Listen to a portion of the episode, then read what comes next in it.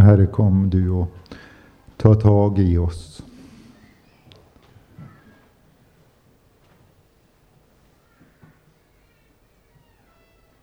Där vi sitter just nu. Med det som är våra problem och vår längtan. Kom helige Ande och ge oss livstecknen att du är med. Kom och uppfriska oss. Uppfräscha oss. Herre, visa oss vad du har gett oss för gåvor. Vägled oss till att använda dem.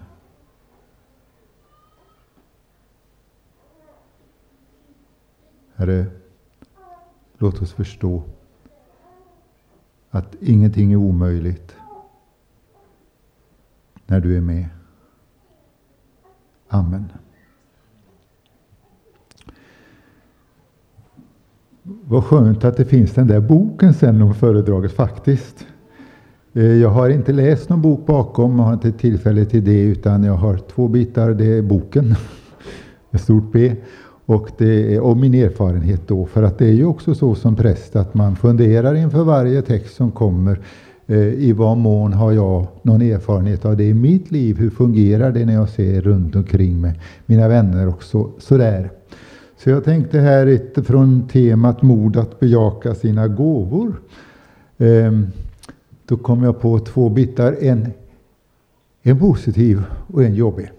Man ska problematisera också. Det första var i början på 70-talet. Jag var ung präst och ogift med mina föräldrar. Vi hade hamnat i Laholm, källaren i ett hus minns jag. Och för första gången i mitt liv hade jag fått tag på en bok om nådegåvorna. Det har stått om dem i Bibeln i 2000 år och vi hade inte upptäckt dem. Det var en norrman som hade, hette Sigvard Riser. Och han skrev i sin bok att man kan be om att få veta sin nådegåva. Och jag blev ganska nyfiken då, så jag gjorde vad jag aldrig brukade göra annars. Jag föll på knä och började be. Och jag minns så väl att jag hade två tankar i huvudet. Det ena var profetian. Därför jag hade läst att det var den som man skulle fara mest efter, gamla översättningen. Det andra var tungomålet. Därför att det retade min nyfikenhet och gjorde mig samtidigt väldigt förskräckt då. Och det var de gåvorna som fanns egentligen och så började jag be. Så småningom upptäckte jag att det började ringa nästan lite envetet ett ord där i bakhuvudet. Och utländska var det. Svenska var det inte.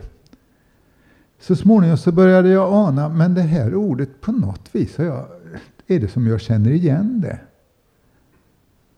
Det låter ju som grekiska. Kan jag ha det ifrån min utbildning då? Och efter ganska lång tid så gick det upp för mig vad det där ordet som rang. poimän, poimän, poimän, poimän, betydde. Nämligen herde. Sen var det någon som förklarade efteråt, ja men du fick ju en profetia på tungotal. Men det har jag inte fattat förrän 10-20 år senare. Men i alla fall, helt överraskande så kom det en gåva som jag aldrig hade tänkt på att det var en nådegåva egentligen. Detta med att vara herde. Och sen eh, blev jag kyrkoherde i 25 år där i Skepplanda. Och eh, jag har haft väldigt uppmuntran utav det där svaret som jag fick 73 eller när det var. Mm. Sen 25 år i Skepplanda. Och man blir äldre och tjänsten förändras. Och jag börjar bli trött. Ehm, då var Bengt Pleijel hos oss hösten för ett och ett halvt år sedan, han på Å som så många känner. Man fick dra sådana där mannaord. Ibland så faller orden till marken efter ett tag, även om man tycker de var bra. Ibland så griper de tag i en så man kan inte springa ifrån dem. Och så var det med detta ordet som har suttit på mitt arbetsrum sedan dess. Orden till Josua, Josua 1.9. Har jag inte befallt dig att vara stark och frimodig, var då inte förskräckt eller förfärad, ty Herren din Gud är med dig vart du än går. Och jag kände att jag behövde det där när jag blev trött och började tänka det här ror jag aldrig i land. Och jag försökte hålla mig till det ordet men jag blev tröttare och tröttare och det blev knepigare och knepigare. Och eh, vart sjukskriven för nära väggen och upplevde så småningom att jag hade vare sig de gåvorna eller den kraften som behövdes att fortsätta som kyrkoherde. Och jag måste erkänna att fastän jag inte ville det och fastän jag stavade på detta ordet så var det som om modet svek. Jag klarade inte av att hålla modet uppe som jag ville. Och jag vet att är man på väg in i väggen eller skulle man vara deprimerad eller liknande så då kan man inte bara resa sig upp ur det. Då, då får man nästan acceptera att det är så. Så fick jag säga upp min kyrkoherdetjänst. Sen löste det sig så jag får vara kommunister i min gamla församling och vara präst igen. Det är jättehärligt. Men jag menar, det är inte så lätt med modet alltid. Jag vill meddela att jag känner igen det och förstår det och brottas med det. Eh, när jag sedan har fått bearbeta frågan så småningom så har jag tänkt att jag brukar säga till så många andra man ska tjäna Herren efter måttet av den kraft som han förlänar. Det står inte utöver måttet. Det står efter måttet. Alltså Gud kräver inte att vi ska göra mer än han ger oss kraft till. Va? Det är ett evangelium i detta. Jag tror också att kyrkoherdetjänsten har förändrats så mycket så att den är inte längre den herdetjänst som jag hade fått nådegåva till. Det kan också vara en bit. Och jag anar att trots allt var det här ordet väldigt, väldigt viktigt. För det gjorde att jag inte på djupet gav upp. Och nu när somligt har börjat ändras igen så börjar jag känna livsandarna leva på nytt. Och nu när jag inte är kyrkoherde så kan jag börja åka ut som jag gjorde när jag var ung och åka på SSG-läger, SSG där ser ni, kredoläger på Hjälmared. Och det är jätteroligt att vara ute igen. Att mod att bejaka sina gåvor. Vi har fått både skapelsegåvor och nådegåvor i Kristi kropp och jag tror inte man ska spela ut dem för mycket mot varandra. Vi har fått gåvor redan i detta att vi blev människor. Ni känner igen Saltaren 8. Dock gjorde du honom nästan till ett gudaväsen. Med ära och härlighet krönte du honom. Du satte honom till Herre över dina händers verk. Det där ordet tolkar Hebreerbrevet på Jesus. I övrigt på människan. Och jag hade lite brottning och svårt med det där tills jag förstod, ja men Jesus blev ju sann människa när han kom på jorden. Och vi delar detta med Jesus. Att vi är gjorda till, till ett gud, nästan ett gudaväsen för vår del. Gud har krönt oss med ära och härlighet och vi vet redan från skapelsen så har han satt oss till herrar över sina händers verk. Han har skapat allt gott och så säger han människor ta hand om det här med de gåvor som jag har gett er. Nästan gudaväsen med ära och härlighet. Du är alltså rikt skapad. De allra flesta av oss har långt mycket mer gåvor än vi just nu är medvetna om. Och Gud har gett oss dem för att vi ska använda dem i hans skapelse. Antingen vi är kristna eller inte så kan vi använda skapelsens gåvor och ska så göra i tjänst åt skaparen vår Herre. Det gör du när du är lärare eller mekaniker eller vad du än gör. De här gåvorna tjänar du både dina medmänniskor och vår Herre med. Och det är gott om du ser att du också tjänar Herren på det viset. Också detta är en Herrens kallelse. Men eh, så har Gud också gett särskilda nådegåvor i kyrkan, Kristi kropp. En stor hemlighet, precis som nådegåvorna, något som sällan hade talats om i kyrkan förrän de där kurserna kom för oss präster på Ås stiftsgård med talare ifrån England och Amerika. Och jag fick åka på den första innan kyrkoherdarna tog över och åka på kurserna. Adjunkten fick vara hemma. Mm. Och då så eh, var det Graham Parkingham och han hade just som ämne detta med Kristi kropp. Tre ord, ni behöver inte anteckna. Lyssna bara. Paulus skriver till korintierna. Ni utgör Kristi kropp och är var för sig delar av den. Till Efesierna. Kyrkan är hans kropp. Kolosserbrevet. Han, Jesus, är huvudet för kroppen, för, alltså för kyrkan, skriver han. Och i denna kropp har Jesus lagt ner hela sitt liv. Den är fylld av Kristus själv, hans liv och gåvor. Kolosserbrevet 2, 9-10. Ty i honom Jesus bor hela den gudomliga fullheten och i honom har nu ni nått er fullhet. Alltså tanken är, vi tvivlar inte på att Jesus ägde Guds fullhet.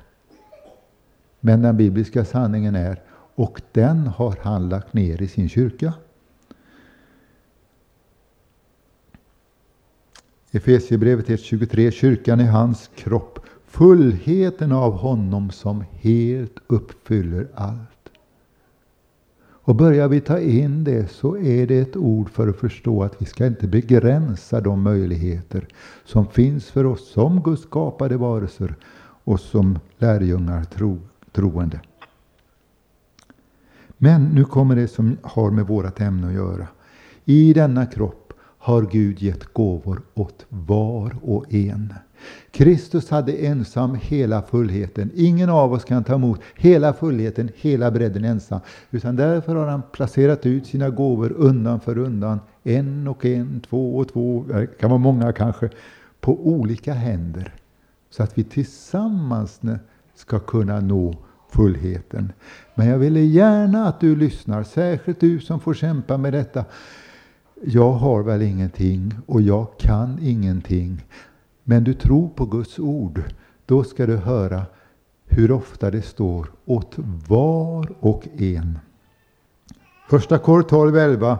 Allt detta åstadkommer en och samma ande genom att fördela sina gåvor på var och en så som han själv vill.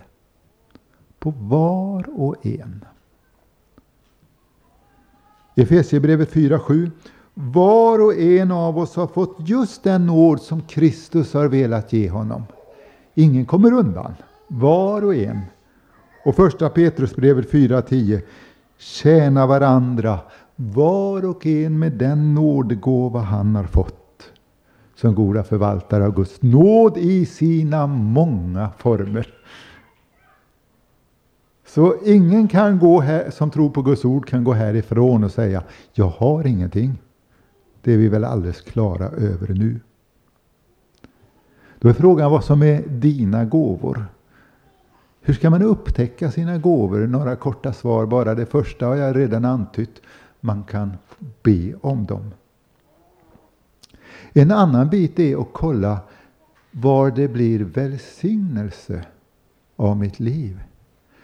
På vissa områden så blir det bara klavertramp hela tiden nästan. Men på andra områden blir det gott.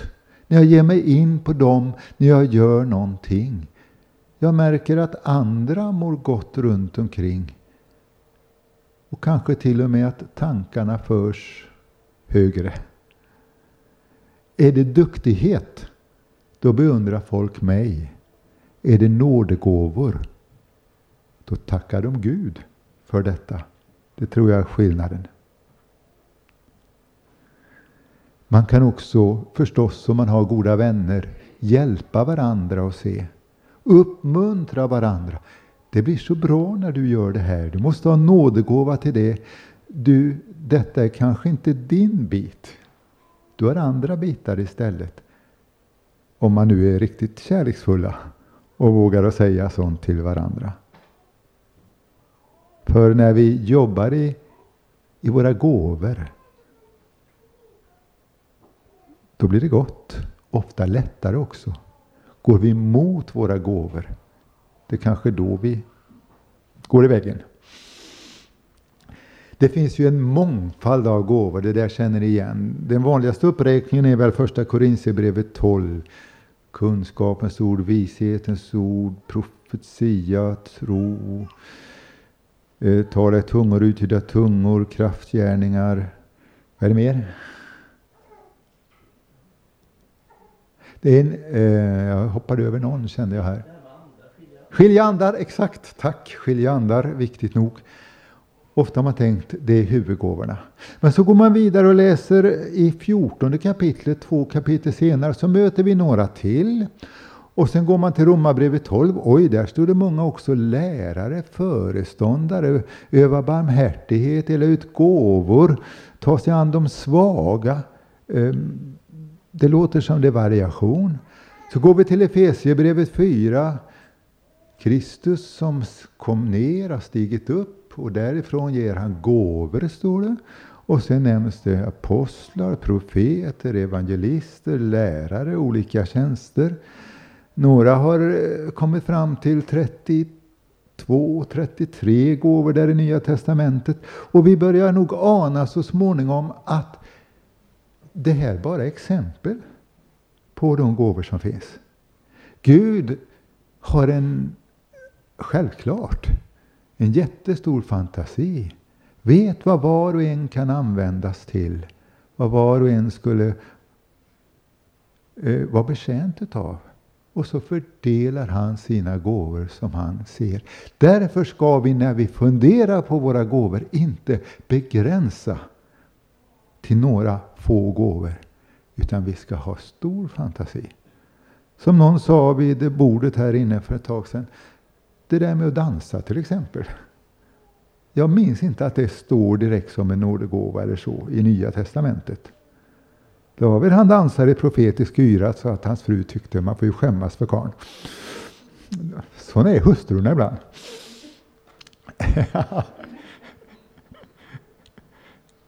Nej. Men, men eh, ja, min hustru dansar. Hon gör det. Och andra gör det i församlingen. Och det kan bli en sån andakt när de ibland lite spontant på en familjegudstjänst eller lovsångsmässa går fram och gör enkla rörelser, enkel hyllning till Jesus. Så visst är det en nådegåva. Eh, jag brukar ofta tänka på kroppen själv. För det är ju ändå urbilden för det Paulus går in på. En del jag brukar säga att det, det här är inget ideal, men det är en Guds skapelse, eller hur? Mm. En del har liksom är kroppens ögon i församlingen som ser vad det är som behöver göras. Där är jag ofta märkvärdigt blind. Där behöver jag till exempel min hustru som har helt andra ögon att se.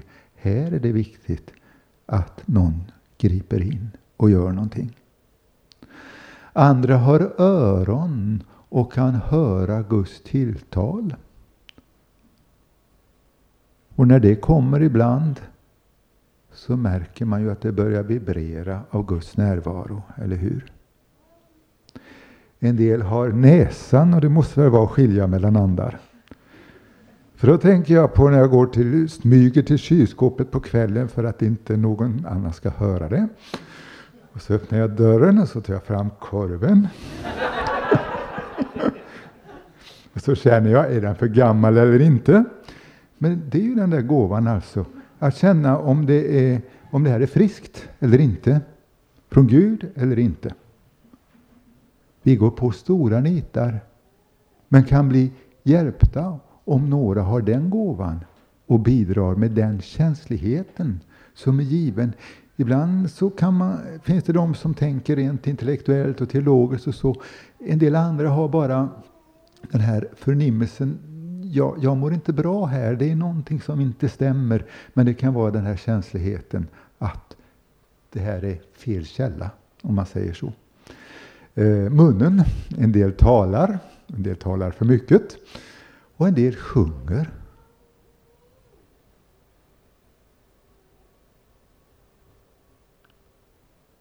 Eh, händer som man kan göra så mycket med. Peka, praktiskt, smeka, uttrycka kärleken, Vad ljuvligt. Jag är inte så säker på att så många, om vi tog i kroppen, skulle vilja vara fötterna. Det är inte så många som tänker på fötterna, särskilt inte när man har en talarstol så här. Nu råkar jag ha strumpor under sandalerna, vilket man visst inte ska ha. Har ni tänkt på det förut? Hon har tänkt det, ja. ja. Annars är det ju så att alla tänker på sig, bara jag tänker på mig. Men poängen här var det, alltså vad skulle kroppen kunna göra om inte fötterna fanns? Om jag skulle behöva gå och hämta mina små blad om tisdagsbönen där, skulle jag aldrig kunna nå dem om inte fötterna ville vara snälla och förflytta min kropp dit.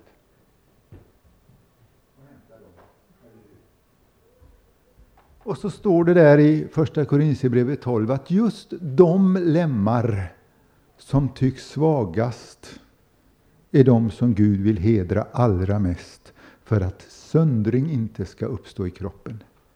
Och så skulle vi lära oss att se, tror jag, efter Guds sinne att de som kanske inte har högsta status eh, i världen eller i kristna kretsar, de ska vi upphöja så mycket mer. Om ni visste vad tacksamma jag är mot dem som ställer upp och kokar kaffe. En del tycker att det där är slaskgöra, men inte. Vi har på sommaren har vi lite enkelt vapenhuskaffe eller ute på kyrkogården. Och det är en av våra kyrkvärdar som utan ord ställer upp varannan söndag nästan eller något. Och det blir så bra prat runt omkring. Oh vad det betyder alltså. Så låt oss inte gradera i finare, högre gåvor, mindre fina, lägre. Sån gradering tillhör inte Guds rike.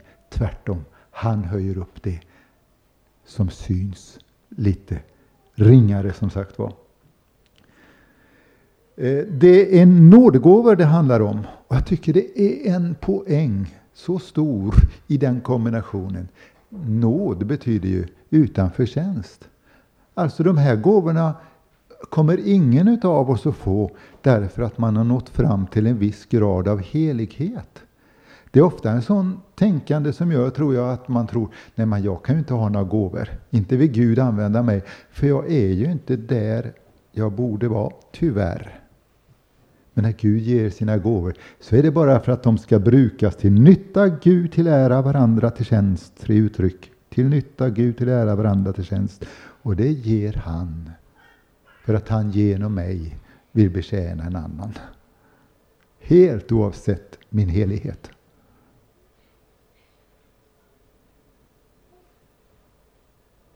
Så slappna av och släpp taget. Men det är gåvor. Gåvor ifrån Gud. Så jag tänker om någon kom på min 50-års... Äh, det var 60 år häromdagen. Och någon kommer på min 60-årsdag och ger mig en fin present. Eh, 100 kilo korv. Nej. Låt oss ta till med något riktigt mycket. En ny bil. Och så kommer en annan och säger efteråt Åke, vad fick du ut av honom på din födelsedag? Och jag är så ödmjuk så jag säger, nej jag har inte fått någonting. Vad oförskämt mot honom som gav mig bilen va? Är det nu gåvor ifrån Gud? Och jag förnekar att jag har fått något ifrån Gud. Då är jag ju oförskämd mot honom som har gett mig gåvorna. Att det nåd betyder att jag inte förtjänar och inte kan förhäva mig. Att det gåvor betyder att jag heller inte har rätt att förneka dem. Att Gud, som han vill, ger olika gåvor. Har vi rätt förstått det betyder det att vi inte behöver avundas varandra. Ehm, för att det måste ju vara så här att om det är ett område jag inte kan och Gud inte har gett mig gåva till det, så har han därmed sagt, jag förväntar mig inte, begär inte att du ska kunna detta. Alltså, det vi inte har fått gåvor till begär Gud inte att vi ska kunna. Det är avslappnande det också, att tänka så. För då är det någon annan istället som har den gåvan i församlingen och kan bidra med det och göra det i mitt ställe.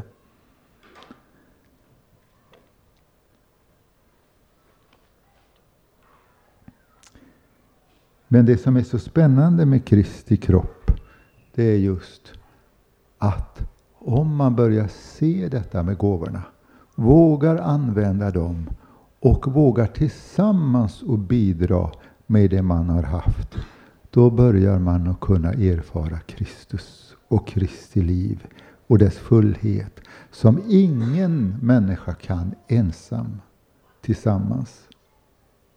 Det smärtade mig lite när någon sa det är så gott att komma till Hjälmared för här har jag den gemenskap som jag inte kan få på hemmaplan. Och vi vet mer eller mindre är det ofta så alltså. Vi får erkänna att det är på det viset. Och det gör det lite problematiskt det här med gåvorna också. Om det inte finns andra som, som ser eller vill eller kan vara med i det här samspelet. Och kanske att man då vågar säga, även om jag inte är för att man delar upp sig i smågrupper egentligen, att det kanske är hemgrupper, böneceller, som man ibland kan få forma på flera mils avstånd, som kan bli den plats där man kan pröva att leva Kristi kroppsgemenskap, om det inte känns som det ännu är moget där hemma. Mod att bejaka sina gåvor. Och så upptäckte jag att jag hade skrivit fel ämne på mitt manuskript. Där stod det mod att använda sina gåvor. Men det måste väl vara, ligga väldigt nära varandra. Bejaka att man har fått gåvor, se att man har dem och när man gör det så bejakar man dem i nästa steg genom att använda dem. Alla känner ju den där liknelsen Jesus har om punden. En man for bort, han gav åt sina tjänare, en tjänare tio pund, en annan fem pund och åt en en pund.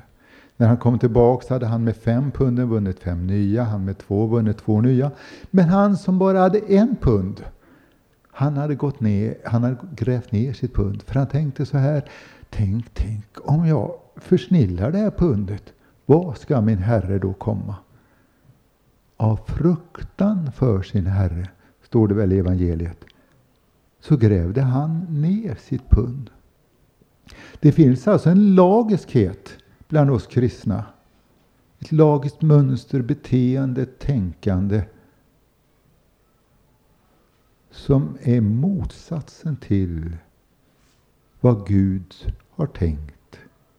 Motsatsen till den miljö där hans gåvor blir använda.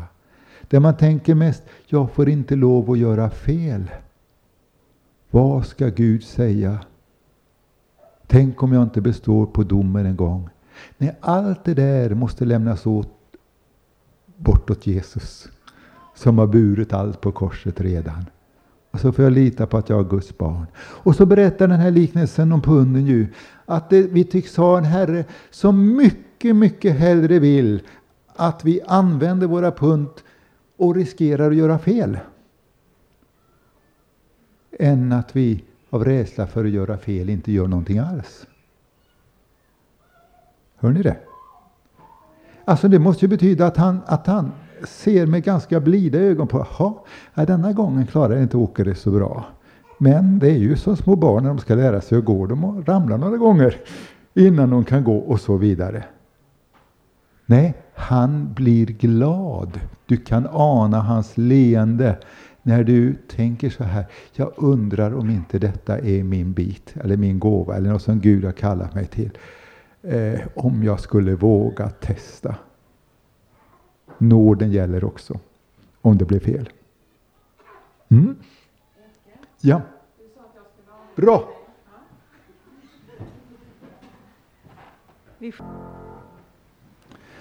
Så var det bara upploppet kvar.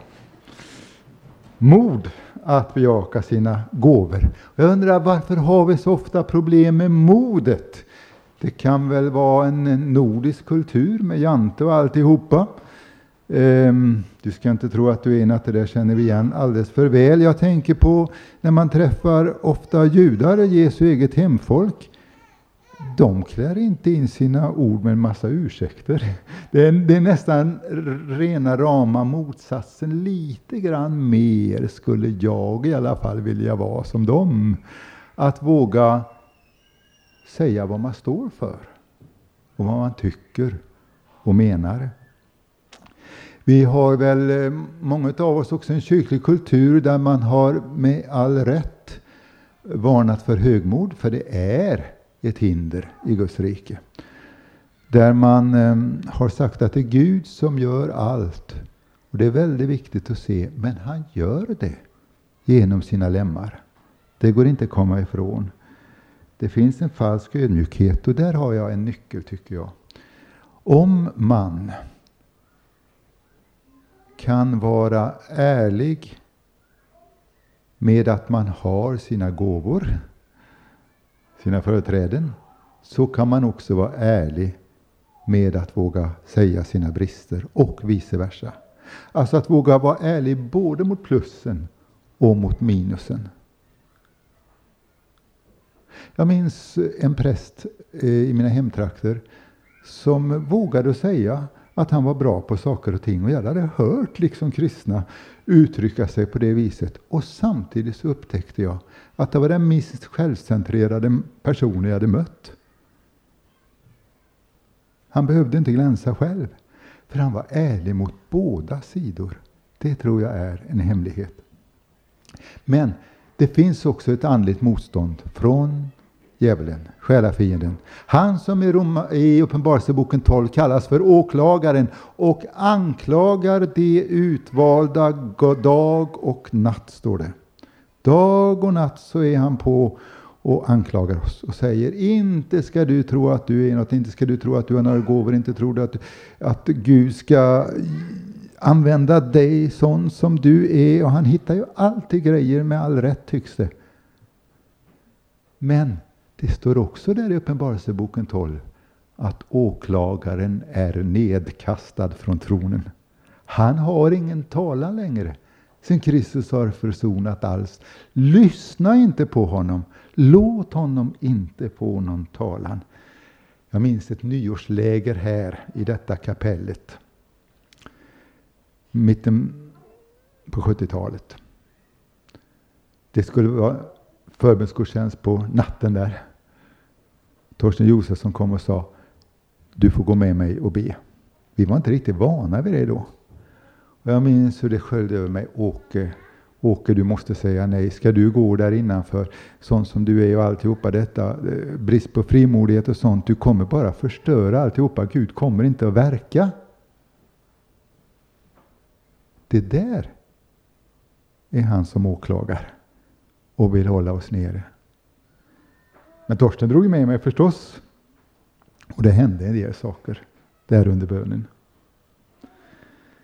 Så problem kan vara nordiska kulturen, kyrkliga kulturen och åklagaren står det här. Hur kommer jag till rätta med det? Det där med människofruktan.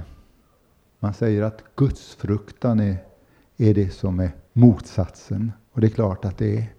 Gudsfruktan rätt tolkat.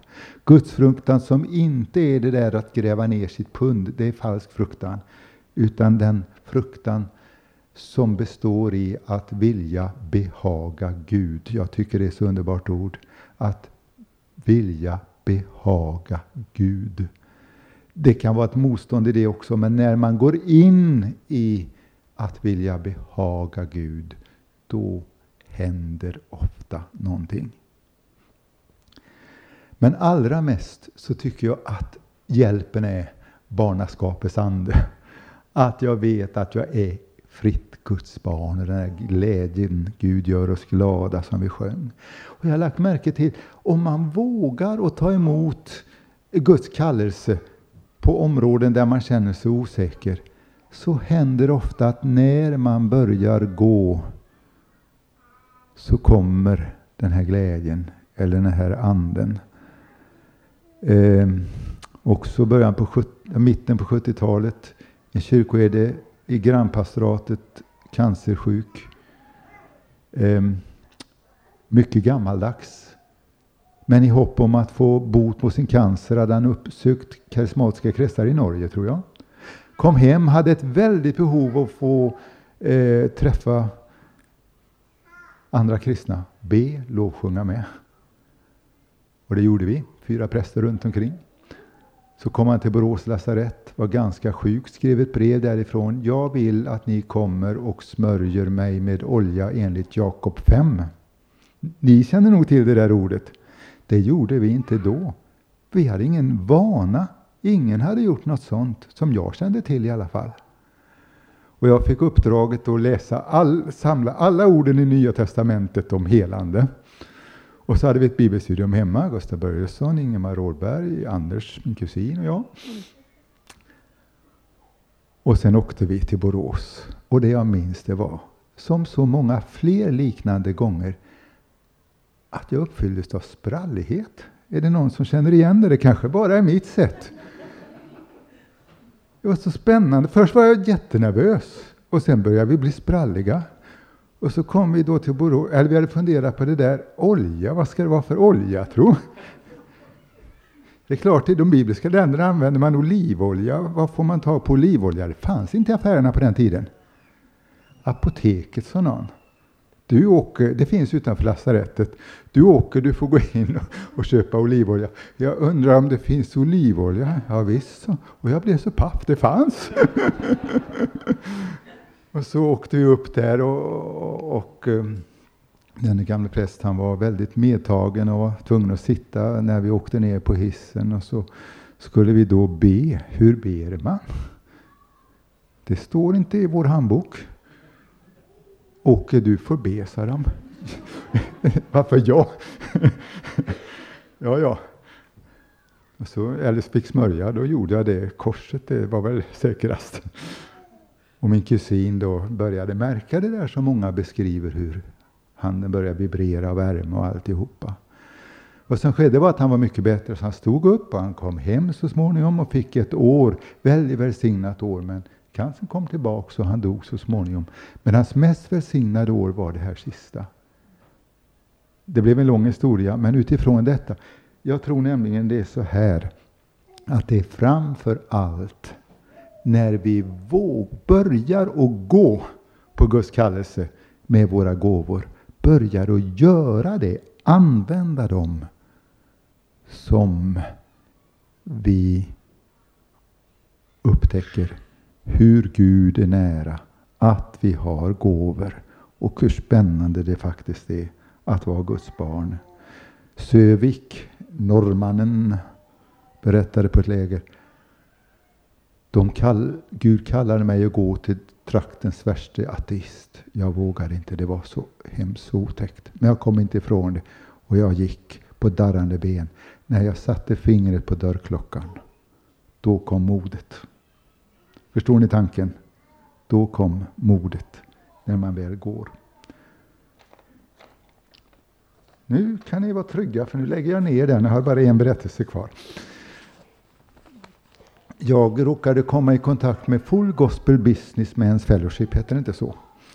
Och eh, han som står bakom, som kom egentligen från Armenien till Amerika, släkten förra 1800-1900-talet där, eh, Demos Shakarian har skrivit en bok som heter Världens lyckligaste. Jag är glad att jag läste den. Det var mycket uppmuntrande, men det var temat Världens lyckligaste. Jo, menar han, utifrån sin egen erfarenhet, som var ganska tuff ibland och inte alldeles lätt. Det är när man har sett sina nådegåvor och börjar använda den. Den människan som gör så är egentligen världens lyckligaste.